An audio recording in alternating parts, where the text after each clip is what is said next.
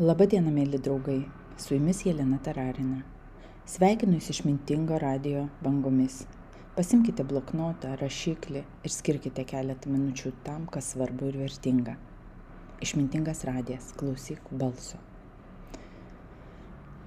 Praėjusį kartą kalbėjome apie svarbiausią išminties įrankį. Pavadinimu, kas kartais veikia, neveikia niekada.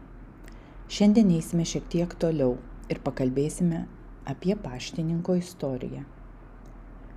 Mintyse pasodinti sėklą - tai tarsi parašyti savo laišką ir jį išsiųsti.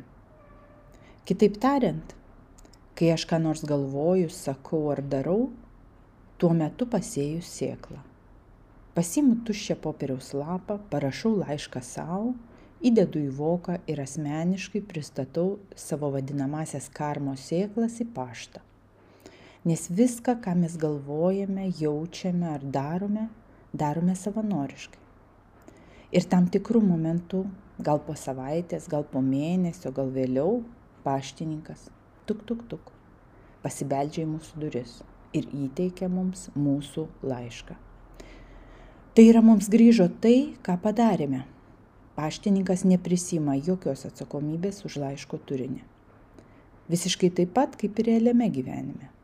Kai gauname tikrą laišką, paštininkas neprisima jokios fizinės, teisinės ar kitokios atsakomybės už jo turinį. Tai yra vyras šaukiantis ant manęs ar žmona, ant manęs įsižeidęs vaikas, kurie tokiu būdu gražina man mano laišką, nėra atsakingi už jo turinį. Tai galima logiškai įrodyti. Pagalvokite, ar paštininkai skaito jų pristatytus laiškus? Ne. Ar jūs kada nors ką nors padarėte ir nesupratote, kodėl jūs iš viso tai padarėte? Taip, tai būna. O galvojate, kitiems žmonėms taip neatsitinka?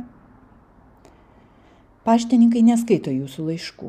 Jie nežino, kas ten parašyta. Jie tiesiog perdoda, neturėdami supratimo, apie ką laiškas ir kam jums to reikia. Kadangi tai yra jūsų sieklos ir šio laiško tekstas skirtas tik jums ir tik jūs turite jį suprasti.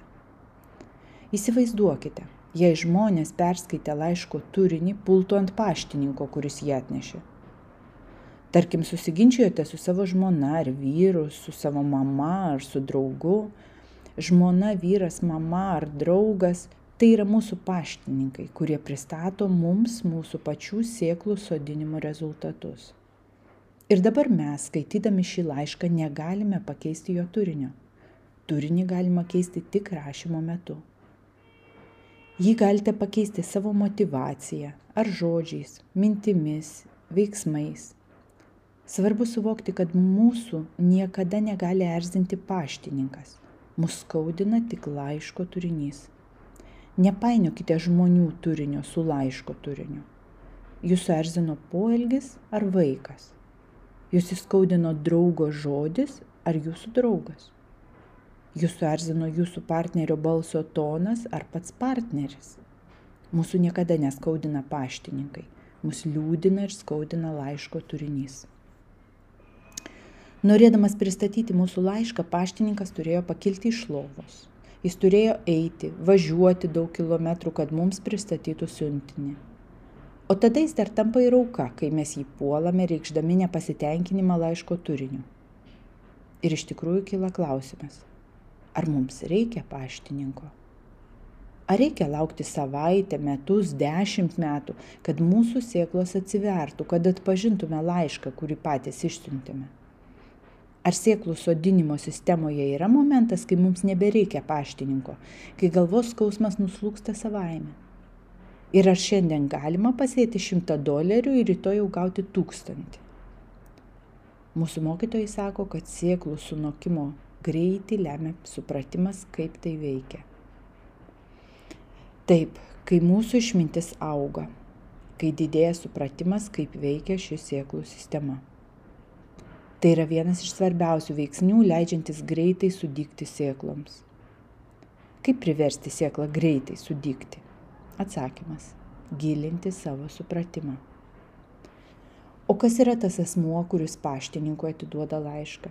Kas sukūrė patį paštininką?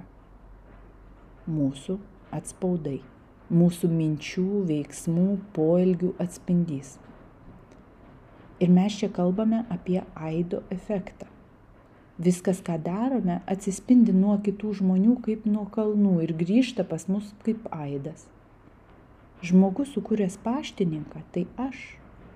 Žmogus, kuris per paštininką perdavė laišką, taip pat aš. Ir tai yra atspaudai. Tai yra mūsų proto sėklos. Tai yra nematomas ryšys egzistuojantis tarp visų žmonių. Bet kodėl būtent šis žmogus man atnešė šį laišką? Laiškai platinami absoliučiai chaotiška tvarka. Bet yra laiškų, kurie mums dabar yra labai svarbus. Paprastai tai yra viena gyvenimo sritis. Vieniems sveikata ar darbas, kitiems šeima svarbi šio gyvenimo momentu. Ir jei laiško turinys, jo tema yra susijusi su tuo, kas mums dabar ypač svarbu, tai šie laiškai mums dažniausiai pristatomi per artimiausius žmonės nes tarp mūsų yra glaudžiausias ryšys. Nepykti ant nepažįstamo žmogaus, kuris užlipo ant kojos eilėje, autobuse, nepykti ant partnerių, kuris netkreipė dėmesio į mūsų poreikius, tai beveik neįmanoma.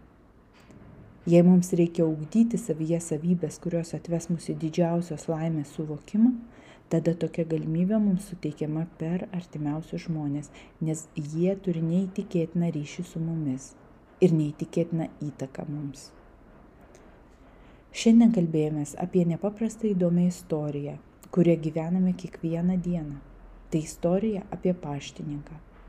Atminkite, kas yra tikrasis kitų žmonių mums siunčiamų laiškų siuntėjas.